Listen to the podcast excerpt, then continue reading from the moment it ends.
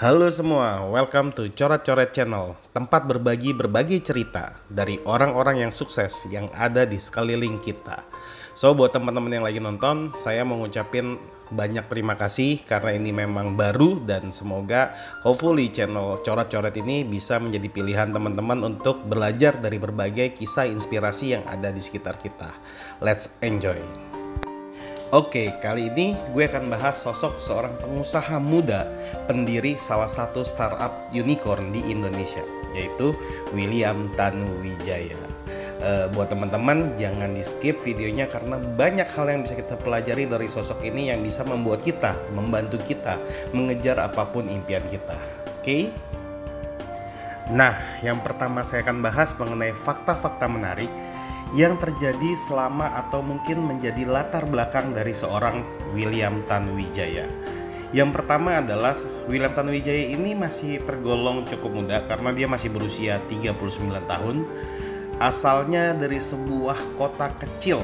Kalau teman-teman mungkin pernah dengar atau bahkan mungkin ada yang nggak pernah dengar sih nama kota ini yaitu Pematang Siantar yang ada di Sumatera. Jadi kalau selama ini kita taunya Sumatera Medan, nah William Tanuwijaya ini berasal dari pinggiran uh, lebih pinggirnya lagi yaitu Pematang Siantar. Beliau juga berasal dari keluarga yang miskin, bukan dari keluarga orang kaya. Dan uh, asal-asal teman asal teman-teman tahu bahwa pertama kali beliau datang ke Jakarta itu tuh tidak naik pesawat, tapi dia masih menggunakan kapal laut. Ya, menggunakan kapal laut.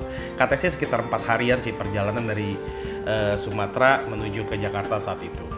Lalu beliau juga bukan lulusan dari sebuah university yang ada di luar negeri, tapi dia juga lulusan dari dalam negeri sendiri, tidak mendapat kesempatan lah untuk belajar seperti orang-orang kaya pada umumnya yang bisa belajar di luar negeri pada saat itu.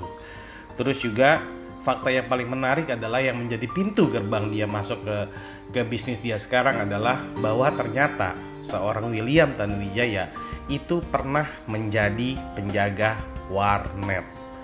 Betul, penjaga warnet.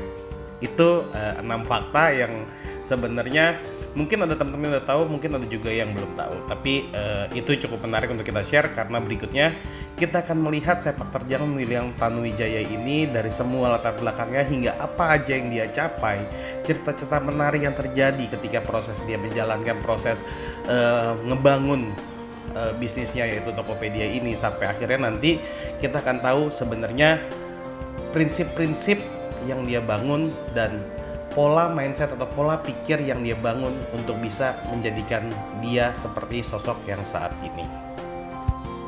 Setelah kita dengar semua cerita-cerita menarik yang ada di bahwa William Tanuwijaya ternyata dari keluarga miskin, dari kota kecil, sekolah pun hanya di dalam negeri, tidak di luar negeri dan lain-lainnya. Berikutnya adalah sebenarnya yang mau gue share adalah dua cerita menarik yang terjadi ketika uh, proses awal-awal beliau membangun Tokopedia.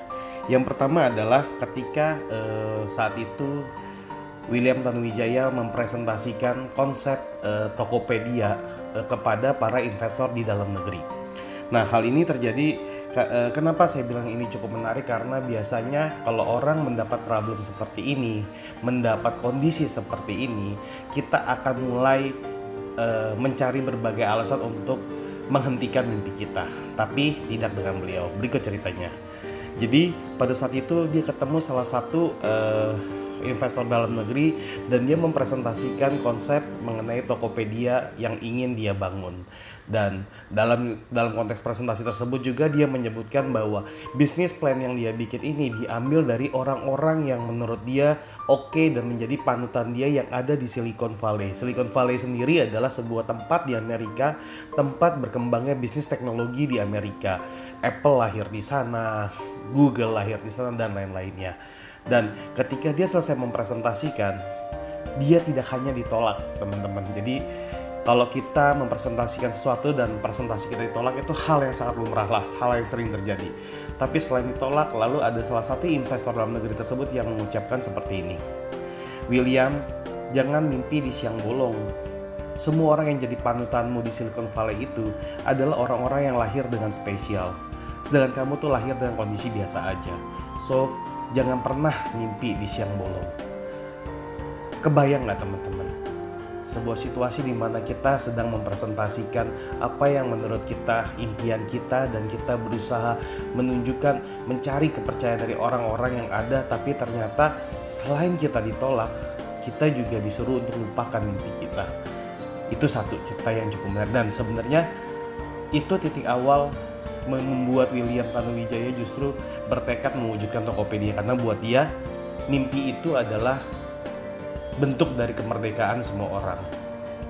Hal kedua yang cukup menarik juga adalah ini sama-sama dengan situasi pertama ketika dia lagi mencari dana tapi bedanya kali ini adalah dia berusaha mendapatkan investor dari luar negeri. So, dia terbang ke luar negeri dengan semangat membawa presentasinya dan dia presentasi baru berjalan 5 menit William sudah diminta untuk pergi alias diusir. Jadi eh kebayang nggak kita baru presentasi tidak nyampe 5 menit kita sudah di stop dan disuruh pulang. Padahal itu perjalanan cukup jauh ke luar negeri dan William sangat berharap bahwa dia bisa mendapatkan investor tersebut. Satu hal yang membuat William gagal adalah pada saat itu dia tidak bisa berbahasa Inggris. Jadi kebayang nggak? Dalam konteks cerita yang mau saya ceritakan adalah sebagaimanapun kekurangan kita itu tidak bisa membendung hasrat mimpi kita, tidak bisa menjadi alasan kita untuk tidak mengejar mimpi kita. William dengan segala kondisinya, dengan kekurangannya, ketidakbisaannya dalam berbahasa, berbahasa Inggris sekalipun, dia tetap berusaha datang menghadiri presentasinya walaupun dia ditolak. Itu adalah mental seorang entrepreneur atau pengusaha. Nah, kalau tadi adalah hal-hal yang menarik dan berhubungan sedikit banyak dengan kegagalan, tapi e, berikutnya adalah saya mau ngeceritain sebenarnya berbagai prestasi juga yang telah didapat, didapat oleh seorang William Tanuwijaya. Yang pertama adalah beliau pada tahun 2016 telah terpilih menjadi Young Global Leader World Economy Forum. Itu adalah sebuah uh, international forum dan uh, beliau telah mendapatkan penghargaan tersebut. Yang berikutnya adalah nomor dua, beliau juga mendapatkan sebuah penghargaan dari Presiden Joko Widodo, yaitu presiden kita saat ini, yaitu penghargaan Setia Lancana Wirakarya. Ini adalah sebuah penghargaan karena William dianggap telah berkontribusi besar terhadap perkembangan ekonomi dan teknologi yang ada di Indonesia. Dan terakhir adalah yang menurut saya paling keren adalah beliau termasuk dalam 100 people transforming business in Asia. Jadi dia menjadi 100 orang yang yang sebenarnya diakui melakukan sebuah transformasi bisnis di negara-negara Asia. Itu tiga hal yang e, menjadi penghargaan terbesar dari seorang William Tanuwijaya saat ini di luar ketika kemampuan dia dalam membangun bisnisnya yaitu Tokopedia. Ya, setelah kita lihat semua prestasi-prestasi yang telah dicapai oleh William Tanuwijaya, tentu kita penasaran dan kita ingin jadi seperti dia. Oke, berikutnya saya akan membagi perihal mengenai mindset yang ada, yang dibangun, yang di yang dijalankan oleh seorang William Tanuwijaya sehingga dia bisa mencapai semua prestasinya dan bisa sampai titik sekarang. Yang pertama adalah fokuslah ke masa depan, jangan masa lalu. Hal ini juga beliau sampaikan ketika dia menceritakan mengenai perihal kondisi dia di masa sebelumnya. Ketika dia masih berada di kota Pematang Siantar sehingga dan dia bekerja di warnet, masa lalu itu tidak pernah bisa dirubah, tapi fokuslah ke masa depan depan karena masa depan itu masih ada seribu kemungkinan pintu yang akan terbuka untuk kita. Lalu yang kedua adalah fokus membuat kemajuan-kemajuan kecil secara konsisten setiap hari. Jadi banyak orang yang selalu berfokus untuk bisa cepat mendapatkan hasil yang diinginkan. Padahal sebenarnya yang terpenting adalah sikap konsisten kita terhadap keinginan kita untuk membangun hari-hari yang lebih baik setiap harinya, bukan hanya mencapai kesuksesan yang kita inginkan. Yang ketiga adalah hidup jadilah seperti air yang selalu bisa menyesuaikan, selalu bisa mengikuti kondisi yang ada. Karena air itu ditaruh di mana pun wadahnya, dia akan mengikuti bentuknya. Dan satu hal yang paling terpenting yang harus teman-teman ingat adalah yang pasti dalam dunia ini adalah perubahan. Jadi kalau kalian lihat dari zaman dulu sampai sekarang yang tidak pernah berubah, yang selalu pasti terjadi adalah kondisi lingkungan kita selalu berubah dan terus berubah termasuk orang-orang di sekitar kita. Jadi lihatlah perubahan sebagai suatu hal yang memang wajar dan kita harus mengikuti. Jangan kaku, jangan e, seperti batang kayu yang tidak bisa digerakkan sesuai dengan kondisi yang ada, tapi jadilah seperti air. Yang berikutnya adalah yang selalu dia tanamkan kepada semua orang terhadap rekan kerjanya, terhadap orang-orang anak muda lainnya adalah kemerdekaan untuk generasi saat ini adalah kemerdekaan untuk berani bermimpi jadi jangan pernah takut untuk bermimpi, kejar mimpi kalian karena itu adalah bentuk dari kemerdekaan kita. Berikutnya adalah jadilah pemenang untuk diri sendiri. Jangan pernah berfokus untuk menjadi yang terbaik atau menjadi nomor satu di lingkungan kalian. Karena sebenarnya musuh terbesar kita adalah diri kita sendiri. Jadi menanglah terhadap berbagai kelemahan-kelemahan atau kekurangan-kekurangan yang ada pada diri kalian sendiri. Yang terakhir adalah Lihatlah problem sebagai sebuah tantangan. Setiap kali kita menjalankan apa pun dalam segala hal, dalam segala kondisi, atau keinginan apa pun, pasti kita akan menemui berbagai masalah dan problem. Dan ketika melihat itu, jangan melihat itu sebagai tembok penghalang, tapi lihat itu sebagai sebuah hal tantangan terhadap diri kita sendiri untuk menjadi lebih baik lihat itu sebagai sebuah tangga untuk membuat kita menjadi naik level dan menjadi orang yang lebih baik.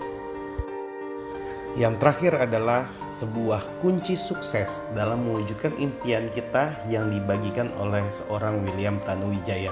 So, sebenarnya ada empat pola untuk mewujudkan semua mimpi kita. Yang pertama adalah mimpikanlah, pikirkanlah, ucapkanlah, dan lakukanlah. Ini adalah sebuah mantra yang uh, saya juga percaya bahwa kalau kita lakukan ini dengan konsisten maka semua impian kita akan menjadi nyata. Kenapa?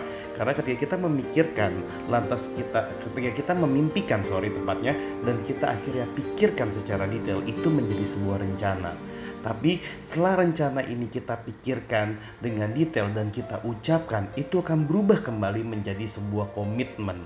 Dan setelah itu lakukanlah komitmen tersebut dan maka semua impian yang telah kita mimpikan awalnya yang masih berupa mimpi akan menjadi kenyataan satu demi satu secara bertahap tetapi pasti.